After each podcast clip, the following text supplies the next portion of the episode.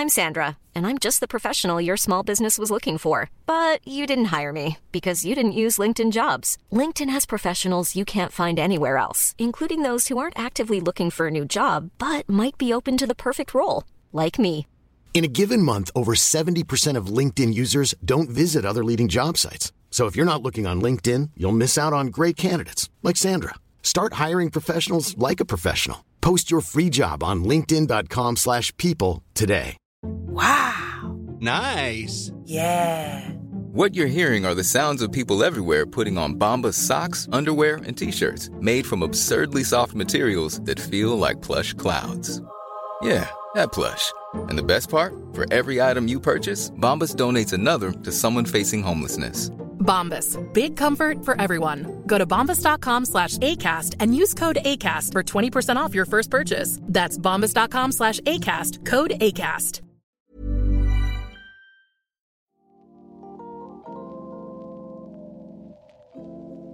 Åsa Wickfors är professor i teoretisk filosofi vid Stockholms universitet. Hon är sedan 2019 ledamot i Svenska Akademin och har skrivit flera böcker.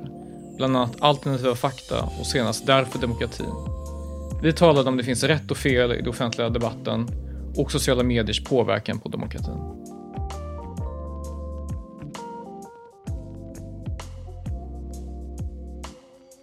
Åsa, du skrev en gång att det finns situationer när det inte är lämpligt att debattera etablerad kunskap, särskilt i radio och TV, eftersom resultatet då kan bli en så kallad falsk balans. Kan du utveckla vad du menar med det? Ja, det där är ju inte min idé. Det finns mycket forskning runt omkring det här med den falska balansen.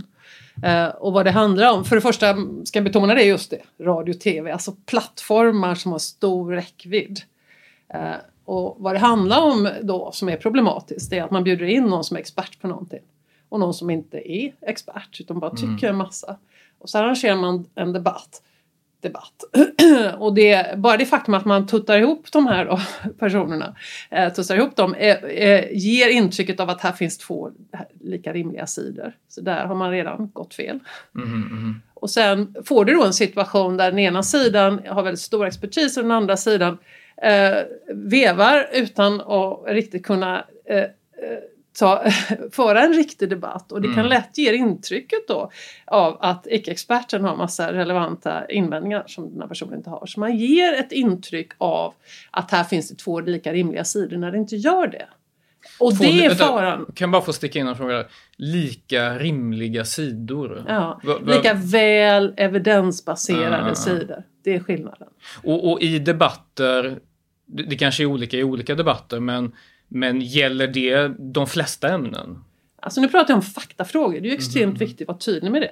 Faktafrågor som är sanna eller falska, där det finns evidens och det finns sätt att ta reda på hur de är sanna och falska med hjälp av vetenskapliga undersökningar till exempel.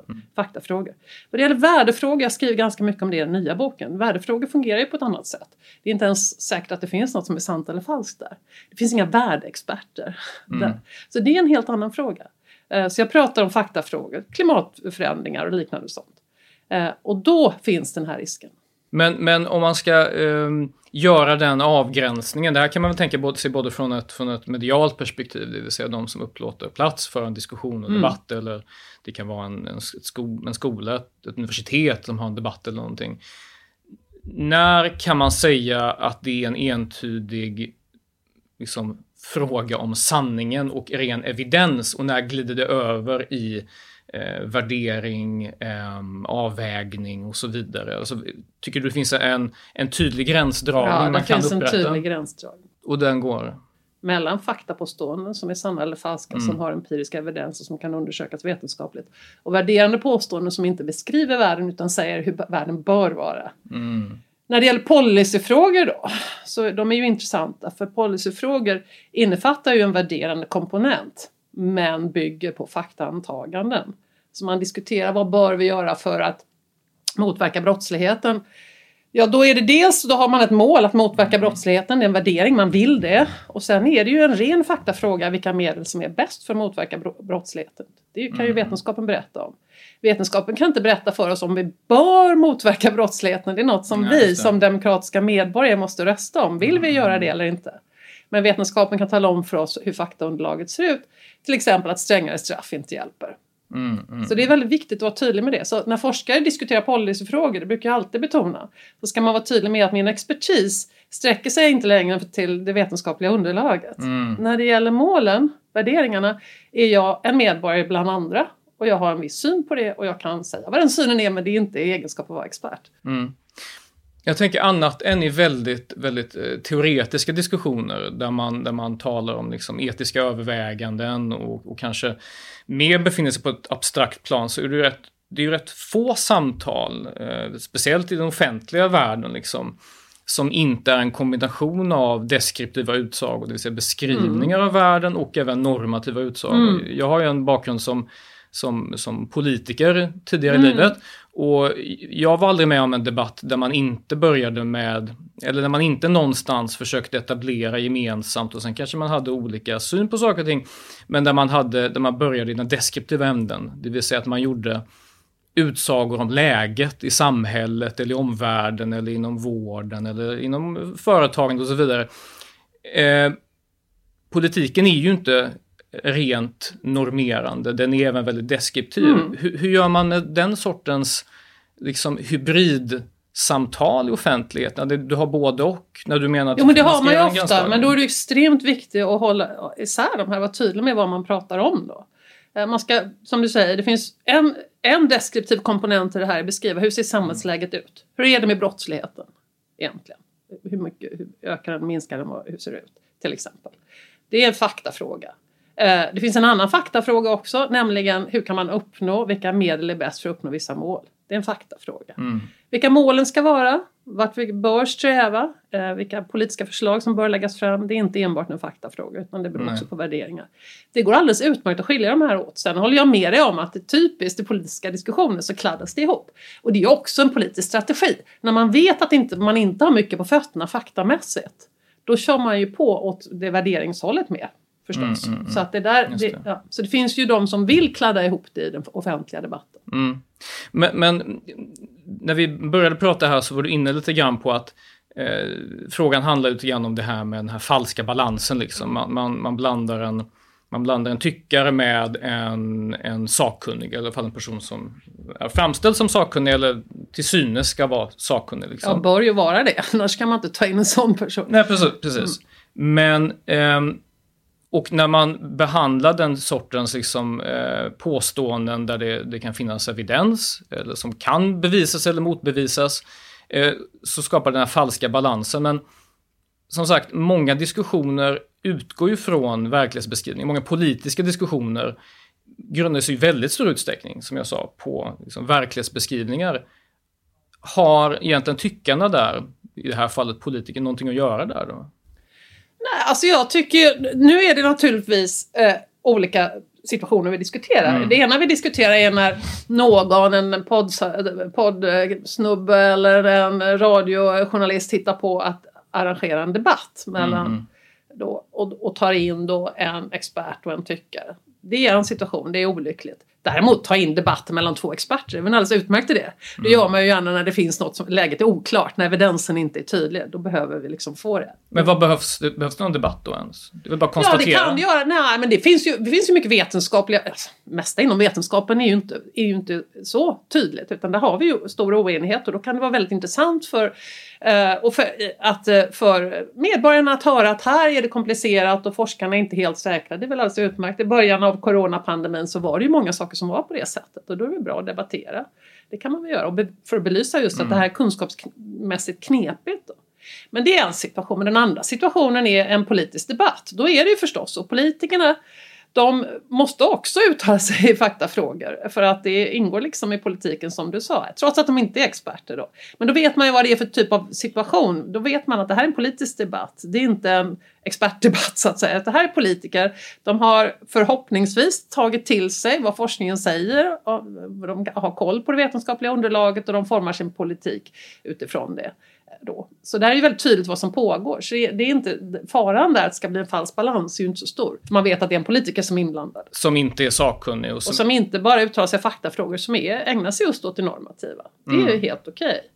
Mm. Eh, Sen är det ju väldigt viktigt, jag tycker det fanns ju något debattformat på tv nu, kommer jag inte ihåg vad de gjorde, om det var på Agenda eller vad det var, där man först lät eh, experterna uttala sig eh, vad det gäller faktaunderlaget då. Mm. Och sen lät man politikerna debattera. Det var ju väldigt bra format för då blev det mycket svårare politikerna att helt strunta i fakta, vilket mm. man gärna gör då. Mm. Så att det, det, tyckte jag var ett bra format. Det blev också väldigt tydligt för de här experterna uttalade sig bara om fakta och inte om det normerande. Mm. Och det var jättebra tyckte jag. Det, det finns en, en intressant eh, konflikt kan man väl säga, eller en intressant slitning inom, eh, inom en rad områden inom svensk för, offentlig förvaltning. Där man både har stora grupper av eh, liksom, sakkunniga, man har tjänstemän, man har remissinstanser och så har man en liten grupp politiker som ska liksom fatta det slutgiltiga beslutet och som inte har tjänstemannaansvar i Sverige så är det politikerna som är folkvalda som är mm. de som är ytterst ansvariga. Och de hamnar rätt ofta i underläge gentemot expertisen.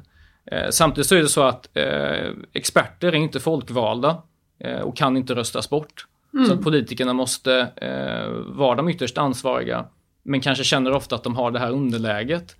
Tror du det finns en fara ifall inom exempelvis offentlig förvaltning, oavsett vilket område det må vara, att expertisen tar en för stor roll? Ja, det där är något man måste hålla blicken på. Jag har ett helt kapitel om det i min mm. nya bok som heter Expertväldet. Uh, för att det är, det är klart, och det fungerar olika i olika länder då. Um, världens äldsta invändning mot demokratin är att folk är okunniga, det går tillbaka till Platon, mm. och kommer att rösta fram en uh, tyrann uh, som inför tyranni. Då. Och, eh, och de som har haft den kritiken har sagt att det är mycket bättre eftersom folk är så okunniga att lägga all makt i experternas händer. Då. Eh, jag argumenterar emot det då. För mm. att mm. problemet med ett expertvälde är just att man inte, man inte kan utkräva ansvar. Ett annat problem med expertvälde är att även om de är experter på det vetenskapliga underlaget så är de inte experter på målen, på värderingarna. Utan målen ska mm. bestämmas av oss medborgarna när vi går till eh, val. Då. Mm. Då är det ju väldigt viktigt i en representativ demokrati där man alltid har expertunderlag för politiska beslut. Det måste man ha annars kommer man inte lyckas med någonting. Mm. Det är liksom helt avgörande. Och det är ju ett av skälen till att demokratier fungerar så mycket bättre än autokratier. För att de låter expertkunskapen komma in och påverka de politiska besluten. Men om man har den här modellen då, där expertkunskap ligger till grund för politiska beslut via myndigheter eller utredningar, vi har ju liksom det systemet i Sverige med mycket utredningar. Då är det viktigt att de här experterna Eh, ägna sig just åt det, åt kunskapsunderlaget och att inte styra politiken. Och då finns det ju olika modeller. Vi vet ju i Sverige så har ju våra expertmyndigheter ganska stor självständighet visavi eh, politikerna. Politikerna får inte in och pilla i enskilda detaljer då. Men de är ju inte helt självständiga, det är de absolut inte. De, de ska komma med kunskapsunderlag och det finns ju regleringsbrev som gör tydligt vad målen för de här myndigheternas arbete ska vara. Ser man till Folkhälsomyndigheten så är deras mål att skydda folkhälsan i stort. Då.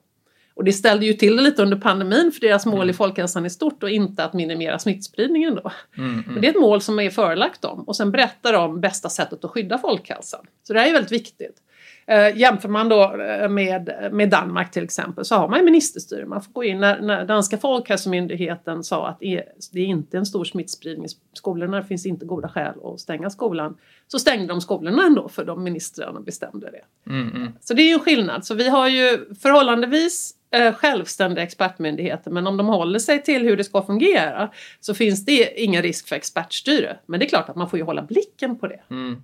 Vad, vad, tänker du om, om, eh, om det sker en sammanblandning, alltså även, även sakkunniga experter, vare sig må de vara akademiker eller högt uh, uppsatta tjänstemän, uh, som uh, så att säga tappar självinsikten om vilken roll de egentligen har och därmed fallerar i sin expertroll. Hur, hur stor tror du den risken föreligger liksom i ett, ett välfungerande demokratiskt samhälle? Och, eh, eller tror du det finns liksom mekanismer som skyddar oss mot det? Det finns ju mekanismer som ska skydda oss mot det. Sen mm. kanske det går fel ändå ibland. Men det, det var nyligen var det som skrev om det. Det fanns väldigt stark evidens för att mm. de här tjänstemännen håller sig väldigt starkt till sina roller och sköter det de ska.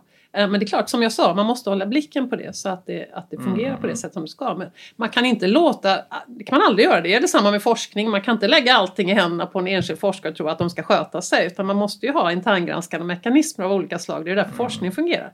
Vi forskare ifrågasätter varandra hela tiden och vi har regler att förhålla oss till. Det är likadant med myndighetspersonal. Mm, mm, mm. Så det, måste man, det där måste man ju styra upp förstås.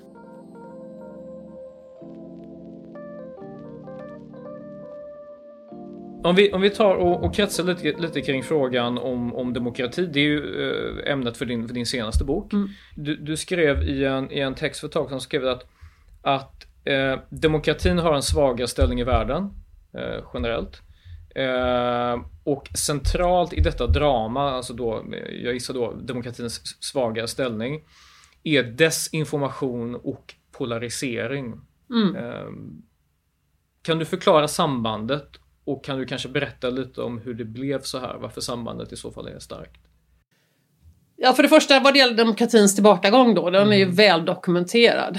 Vi har ju det ledande demokratiforskningsinstitutet i världen här i Göteborg, VDM. Eh, Och de har ju sett den här tillbakagången längs många dimensioner då eh, sedan runt 2010-11. Eh, Och den är pågående. Och det, det som sker är ju en väldigt stegvis nedmontering av demokratin, det här man kallar för autokratisering. Mm, mm. Där den liberala valdemokratin, vilket är vad vi har, eh, stegvis nedmonteras med hjälp av att man försvagar eh, pressfriheten eller den akademiska friheten eller de, domstolarnas oberoende. sådär. Det är välbekant. Just nu pågår en autokratiseringsprocess i sex av EUs länder. Mm, mm. Så det är, inte, det är inga småsaker som pågår. Det är väldigt oroande.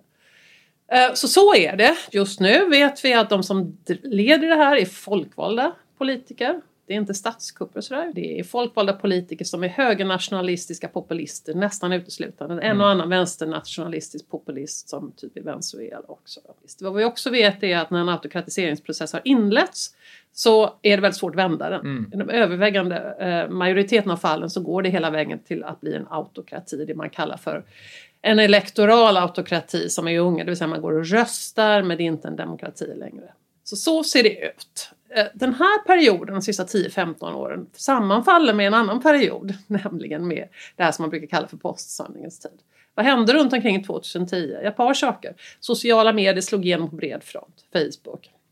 Vi fick våra små eh, Androider, iPhones som gjorde att vi själva kunde hela tiden innan, som vi minns, så fick man gå till sin dator och, blogg, och leta fram någon hemsida eller någonting. Nu satt man där med det och kunde stå mitt i informationsflödet hela tiden och bidra till det på olika sätt. Och sen, så det här, de här utvecklingen är helt parallell.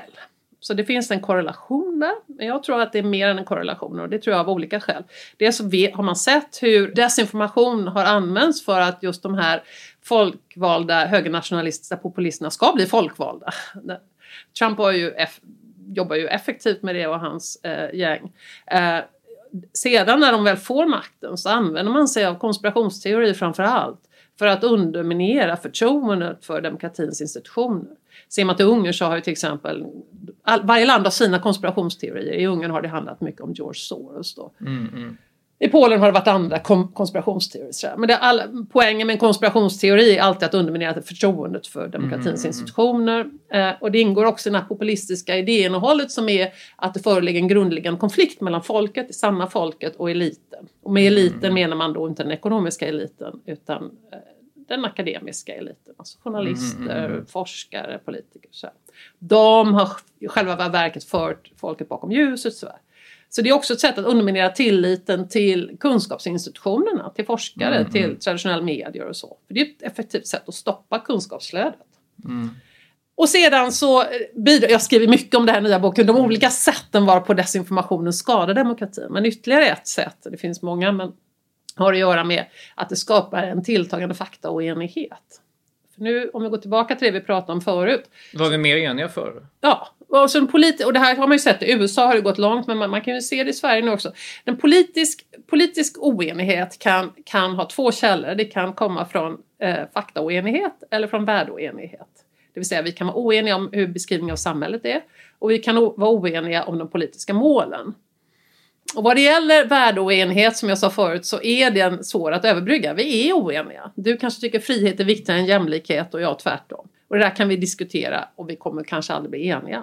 Vi, man, någon kan tycka att det viktigaste just nu är att motverka klimatförändringarna. Andra kan tycka att ja, det är lite viktigt men det är också viktigt att folk har råd att köra bil på landsbygden. Och sådär, va? Så vi kan göra olika, det är olika värderingar där.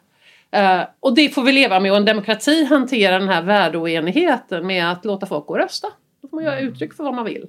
Eh, men det bygger liksom på att vi har en hyfsat gemensam verklighetsbild. Om verklighetsbilden och faktaoenigheten blir för djup och för ohanterlig då får du också en politisk oenighet som är helt ohanterlig. Och det är ju där vi har hamnat i USA nu. De, de håller ju inte med varandra, alltså republikaner och demokrater har helt olika världsbilder. Så att, och då blir den politiska oenigheten helt ohanterlig.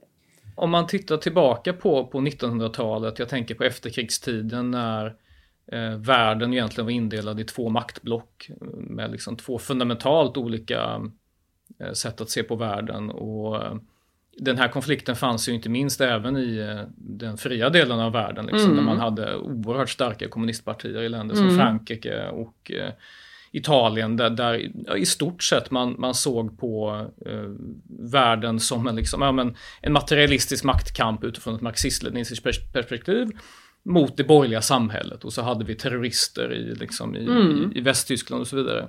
Var det en mer enig tid än 2010-talet? Nej men nu får du hålla isär olika frågor då. Om låt oss prata med, om, om polarisering då. då. Mhm, Så, då får man skilja på olika saker här. Vad det är ideologiskt, man kan prata om ideologisk polarisering. Och då är frågan, och det tittar ju statsvetare på då, hur långt står människor från varandra ideologiskt, idépolitiskt liksom. Eh, och då vet vi ju det, från forskning att eh, den ideologiska polariseringen är ganska stor i Sverige nu men den är inte rekordstor. Under 70-talet var den större. Och skälet till att den var större då var just för att du hade ganska mycket extremister på vänsterkanten då. Var det på grund av, av den tidens desinformation eller polarisering? Ja, där fanns säkert också desinformation men den var ju inte så framstående. Det var svårare att sprida desinformation på den tiden än vad det är nu. Nu är det gratis och snabbt. Men, men, vad, men vad, Men- vad oenigheten... Nej, vad- den var ideologisk. Jag tror det var olika värderingskonflikter. Alltså man såg på det goda samhället på ett annat sätt. Det fanns ju starka icke-demokratiska krafter bland vänstern som tyckte att Sovjetunionen var ett idealsamhälle.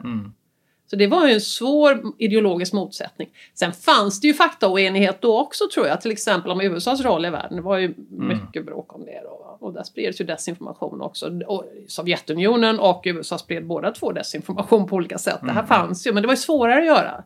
Eh, Sovjet hittade på, spred till exempel desinformation, den falska nyheten att aids var orsakat eh, i ett labb i USA. Det gjorde man genom att, att, att man lyckades publicera en artikel i en indisk tidning. Som sedan, för man visste att den tidningen hade stor räckvidd i Afrika där aids var. Och sen blev det en väldigt stor grej av det. Va? Så man jobbar ju med fejkade nyheter på den tiden också. Men det var ju mycket, mycket svårare att behöva gå och trycka någonting i en indisk Jo. tidning. Så att, Du, du, du, visst, alltså, kommunikationsmedlen är ju oerhört mycket mer decentraliserade Mm. och enkla 2010-talet framåt. Men, men det jag försöker, det jag gärna hör dig prata om lite grann är om var o, säga, oenigheten, var den större när det kommer till världsbild, exempelvis under 70 och 80-talet när Alltså- den här polariserade världskampen fanns, samtidigt som vi inte hade de tekniska möjligheterna. Man kan ju, alltså om man ser tillbaka på 1900-talet så tycks det ju som att det fanns inte bara en skillnad i hur man vill ha höga eller låga skatter, utan fundamentalt hur man ser Ja, på nej, men jag tror att forskare är ganska eniga om det. Att världsbilden var mer enig då, för även de ideologiska skillnaderna var väldigt stora.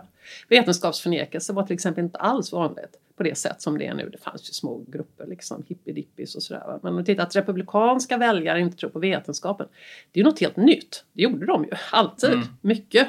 Så att även om man hade den här liksom borgerliga mot kommunister så menar du att man ändå någonstans i någon sorts ontologisk perspektiv, det vill säga världsbilden var mer enig då än vad man är 2010-talet? Ja, ontologiskt kunskapsmässigt, ja. Mm, det tror jag. Det, det råder nog ingen tvekan om det. Och det har att göra med det nya informationslandskapet. Sen finns det ytterligare en sak och det är den känslomässiga polariseringen. Som också är en sak som drivs av desinformation. Och det handlar ju om hur man känner inför den andra sidan. Då. Mm. Och det är någonting annat. Och där ser man ju, i, ja, men den, i USA har den ju gått i taket då. Men ser man till Sverige så finns det evidens för att den tilltar i Sverige. Och den har börjat tillta sedan 2010 enligt statsvetare. När vi fick det här liksom, kulturkriget kom till Sverige. Det kom ju ganska sent till Sverige men det kom då till Sverige också. Och när de här kultur, kultur, kulturkrigsfrågorna som har att göra med liksom kön och invandring och så, när de kom i centrum.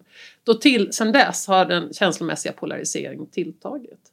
Ehm, och det finns viss evidens för att den är väldigt stark i Sverige men det pekar åt lite olika håll. Det beror lite på hur man mäter. Det känslomässiga här, för, för att jag förstår, vad, vad är, vad är liksom kvalitativt annorlunda med just det känslomässiga nu kontra dåtid? Alltså, Alltså tänker 1900-talet. känslomässig po- polarisering handlar om hur du känner då inför den andra sidan och det har man ju mätt över tid och den, har ju också, den har också varit ganska stark i vissa perioder i Sverige. Men det är klart under 30-talet och, eh, men eh, även under 70-talet när vi hade stora ideologiska motsättningar. Men, men enligt statsvetaren, den senaste demokratirapporten 2021 om polarisering i Sverige, så tilltar den känslomässiga polariseringen i Sverige sedan 2010. Och det är klart att ser man till USA så, kan, så är det ju inget mysterium varför den tilltar där, för det har ju handlat väldigt, Trump har ju arbetat väldigt medvetet med att försöka framställa den andra sidan som fiender, moraliskt korrupta, ett hot mot USA och så vidare.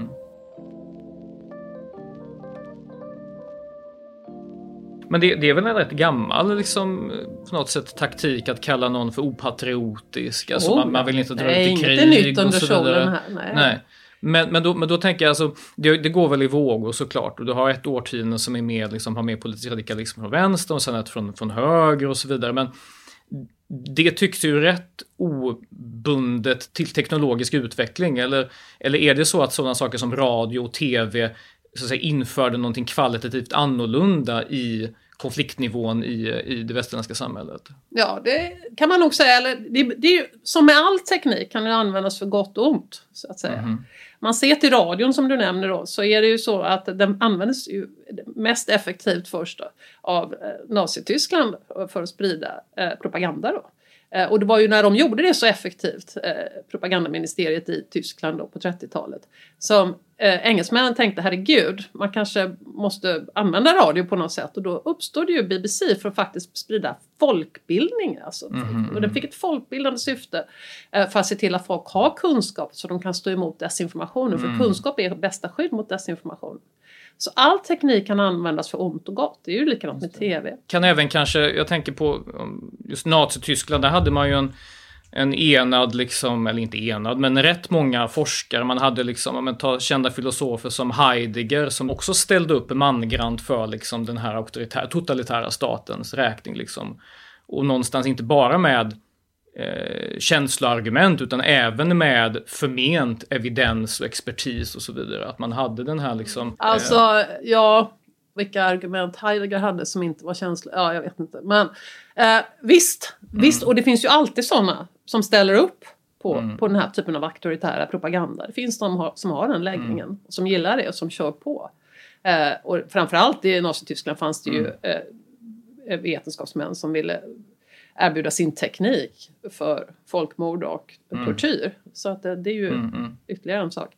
Um, så, så det hände förstås. Och det, ja, det, händer ju, det finns ju Tysk, i Ryssland också, mm, eh, mm. de som har ställt sig på Putins sida. Visst, mm. det kan man inte göra någonting åt. Så kommer det alltid se ut. Forskare kan också ha värderingar som är ruttna. Mm, mm.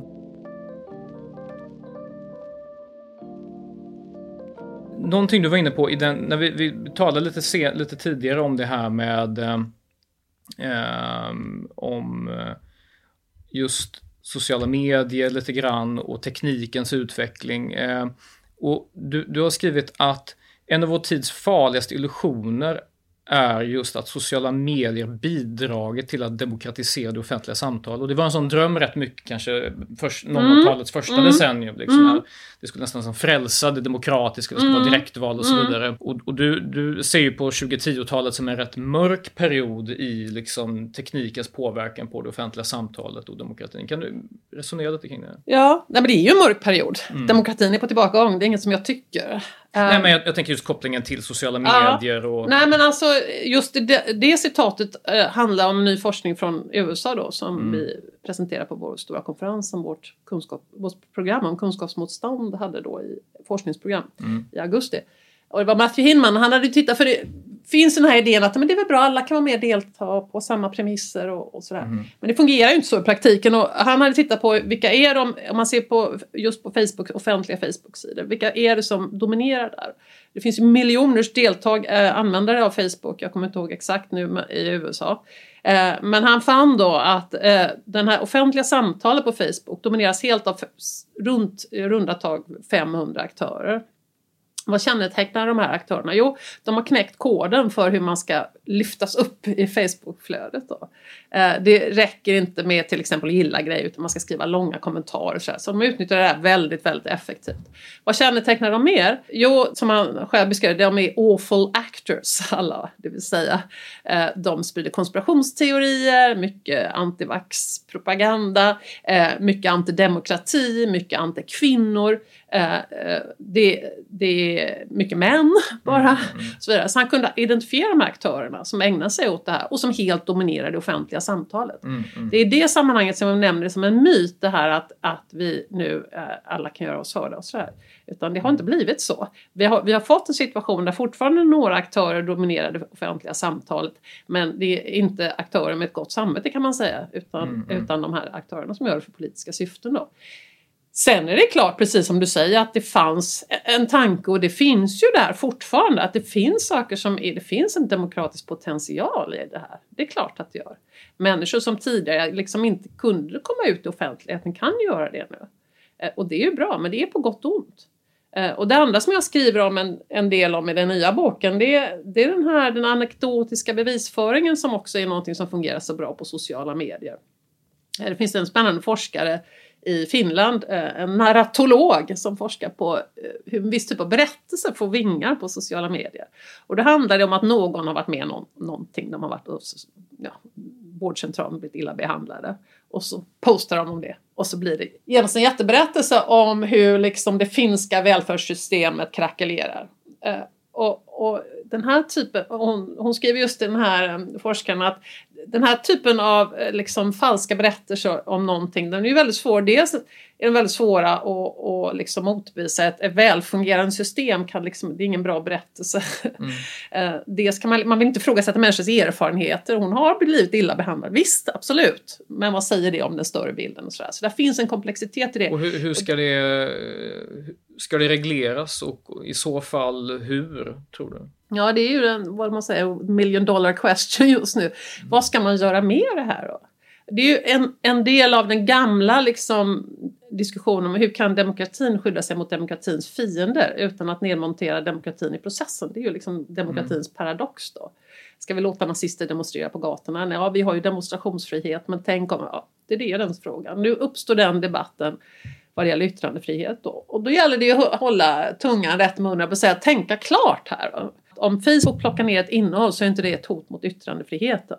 För Facebook är en privat aktör och de är inte tvungna att publicera konspirationsteorier mer än Göteborgs-Posten är tvungna att publicera konspirationsteorier. Kan man inte betrakta Facebook som någon sorts liksom, eh, digital infrastruktur eller ett, eh, en väg eller ett, en, gat, en torg? Liksom, en... Ja, men de är privata aktörer så det är inte censur om de plockar ner någonting. Sen Nej, kan, nej, nej, nej, nej, men kan man inte, jag, jag menar inte i strikt juridisk mening är det ju absolut Mm. inte censur. Det är, liksom, det är som att gå hem till någon, motsvarigheten. Eh, Facebook är ett, ett, ett publikt ägt företag men det är ändå liksom, det är ägarna som äger det. Men jag menar, kan inte i praktiken den här sortens eh, sociala medier få rollen av en sorts modern infrastruktur och därmed eh, på något sätt tillerkännas samma möjligheter till yttrandefrihet som på offentliga platser i övrigt. Det är ingen som står och skriker på torgen längre. Det är en rätt marginellt politiskt fenomen. Ja, alltså jag skriver ganska mycket om det här i nya boken också. För det är klart, vad man kan säga är att Mhm. de här aktörerna har stor makt över det offentliga samtalet.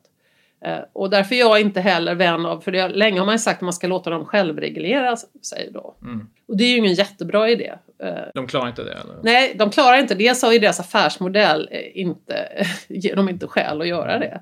För det som får stor spridning det är ju inte det sanna och det tråkiga utan det är det sensationella och det falska. Så att eh, de har, inga, de har inte tillräckligt mycket goda skäl att göra det. Men sen kan man inte lita på att de eh, ska vilja göra det överhuvudtaget. Jag menar, eh, det finns ju nu, titta på Trumps Truth Social. Det flödar ju med konspirationsteorier där. Där kommer ju aldrig någonting hända. Just av det skäl som du säger, det här är håller på att bli vårt nya torg. Det här är en infrastruktur. Just av det skälet så ska det regleras på demokratisk väg. Det vill säga via lagstiftning. Men det betyder ju inte, sen är ju frågan vilken typ av lagstiftning ska vi ha? Nu kommer det ju ett intressant förslag från EU i våras, eh, European Digital Services Act, Mm. DSA. I Storbritannien har man också lagt fram förslag. Vi får titta på det i detalj då. Men förslaget är ju aldrig att vissa påståenden ska förbjudas. Det är ju ingen som hävdar. Eh, och det hävdar inte jag heller. Det tycker jag inte. Det finns inga påståenden som är sådana att de aldrig ska få yttras.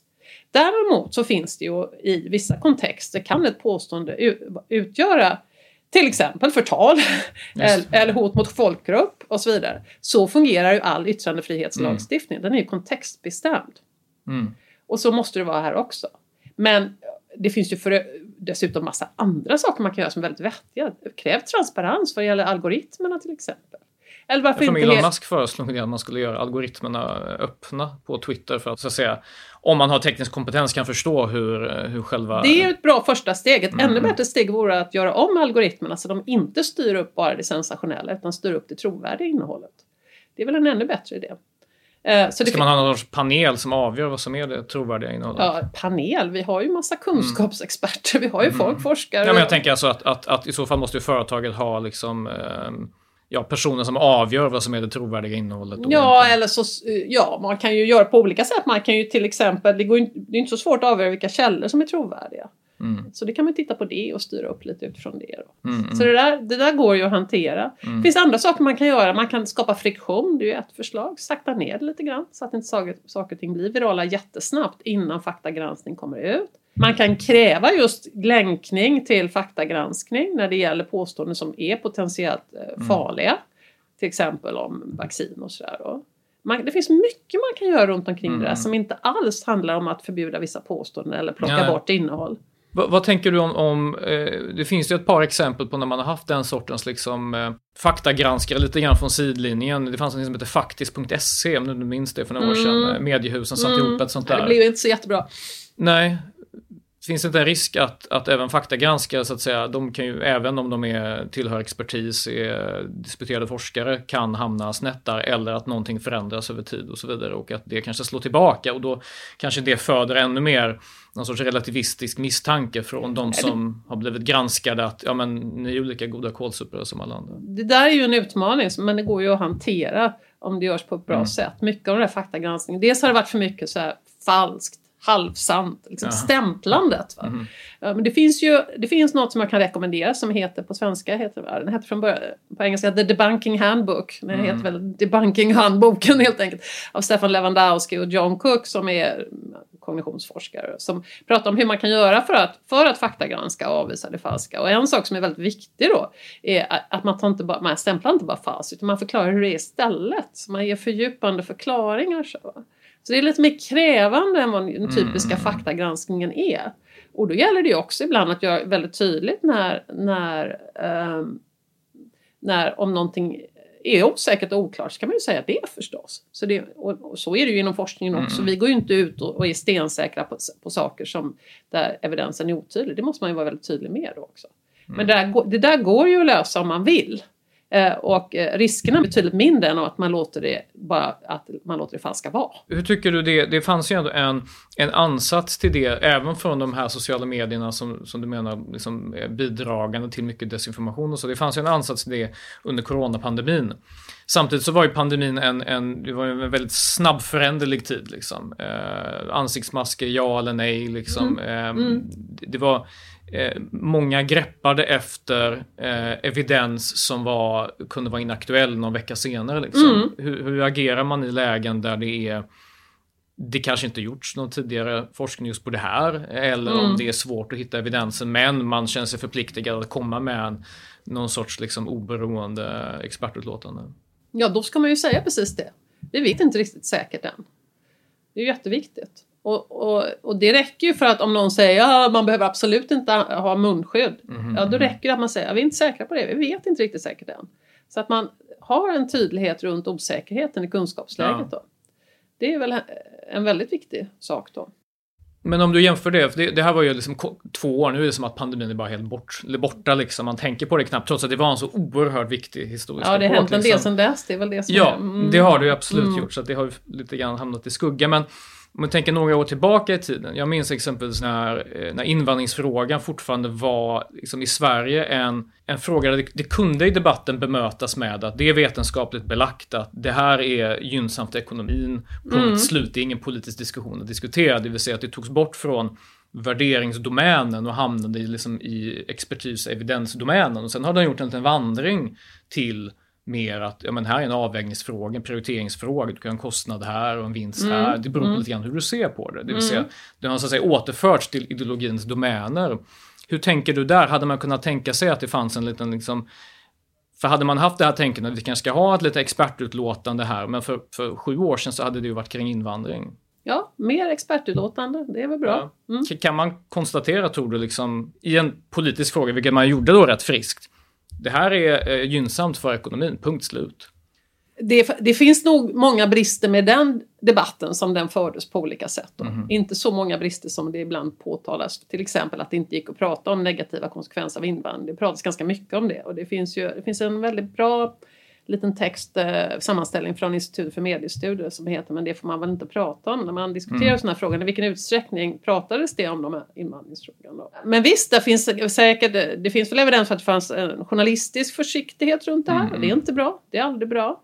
Eh, men nu, jag menar, den försiktigheten är ju slängd. Nu är det ju nästan som man inte vågar argumentera för den andra sidan utan att råka illa ut. Så att det, det, det är båda, båda de lägena är ju inte bra. Utan mm. det måste ju gå att diskutera de här frågorna också. Hur stor, mycket invandring ska vi ha? Och på vilket sätt är det bra eller inte bra för ekonomin? Låt oss ta in alla de fakta. Hur ser de mänskliga värdena ut här? Vad kan vi göra? Vad, vad ska andra länder göra? Det finns ju en kom, enorm komplexitet i den här frågan. Eh, och därför krävs det ju en sofistikerad, sansad debatt runt det. Mm, mm, mm. Jag, jag, är en, en, eh, jag skriver för tidning och jag är ledarskribent. Det innebär att jag kan blanda deskriptiva och normativa mm. utsagor. Liksom. Och jag försöker vara tydlig med när jag gör det ena och, och sen gör det mm. andra. Men ibland så kan man ju eh, stöta på det här liksom greppet att evidensen är det här, punkt slut. Och när jag tycker att det är en, liksom en värderingsfråga, det är en fråga om perspektiv och så vidare. Och att, att, att om man är rädd att, att desinformation eh, och även liksom, ja, men, om att det ska påverka samhället, att man använder snarast eh, liksom evidensvapnet, ibland även lite omotiverat och felaktigt, för att inte ha en diskussion. För det upplevde jag som jag nämnde tidigare för det här med just migrationen, så var det så att vissa frågor var egentligen inte diskuterade, utan det var suspekt om man invände för att då det är avklarat det här. Det här är inte en fråga om eh, ha en åsikt, utan här är en fråga om vad som är rätt och fel. Mm. Och det är mm. redan beforskat, punkt slut. Och sen mm. visade det sig att det var delvis rätt skakig forskning och sen så var, handlar rätt mycket ändå om prioriteringar. Mm. Man, finns det en risk så när man, när man ska liksom eh, du nämnde här att det går från ett perspektiv till ett annat väldigt mycket. Det vill säga att det kanske svänger väldigt mycket. Tidigare var det kanske tabu och nu är det tabu till och med att tala om att invandring är något positivt. Liksom. Mm. Att det kan bli så ryckigt om man försöker liksom, reglera det för mycket. Oavsett ja, nu vet vilken... jag inte exakt vilka exempel du har. Men det är klart att eh, ja, all ensidig debatt, all eh, o, liksom malplacerad säkerhet och så vidare, det är ju inte bra. Mm. Samtidigt finns det saker vi vet och då ska vi inte vackla där. Nej, nej. Eh, och då ska vi vara tydliga med det i debatten. Eh, och hålla isär det från det normativa. Mm. Mm. Så det, det är bra att du gör det.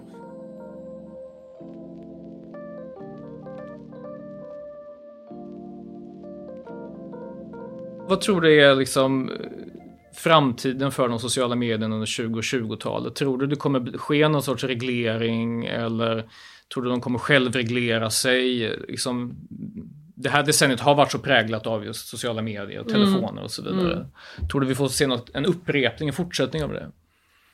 Ja, alltså självreglering tror jag inte på. Jag tror inte det kommer att lösa någonting. Det kommer inte lösa för de flesta plattformarna i alla fall. Så jag tror att vi ska göra det på demokratisk väg, det vill säga lagstiftning då.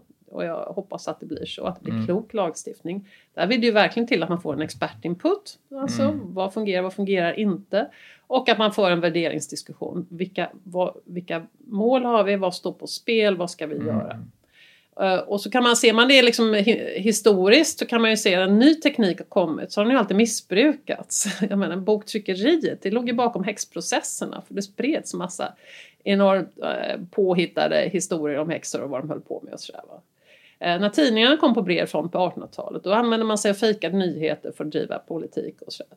Det, det rättar ju till sig, tidningsvärlden till exempel, då, just i takt med att institutionerna mognade och man fick liksom interna granskningsmekanismer och ansvariga utgivare och allt det där.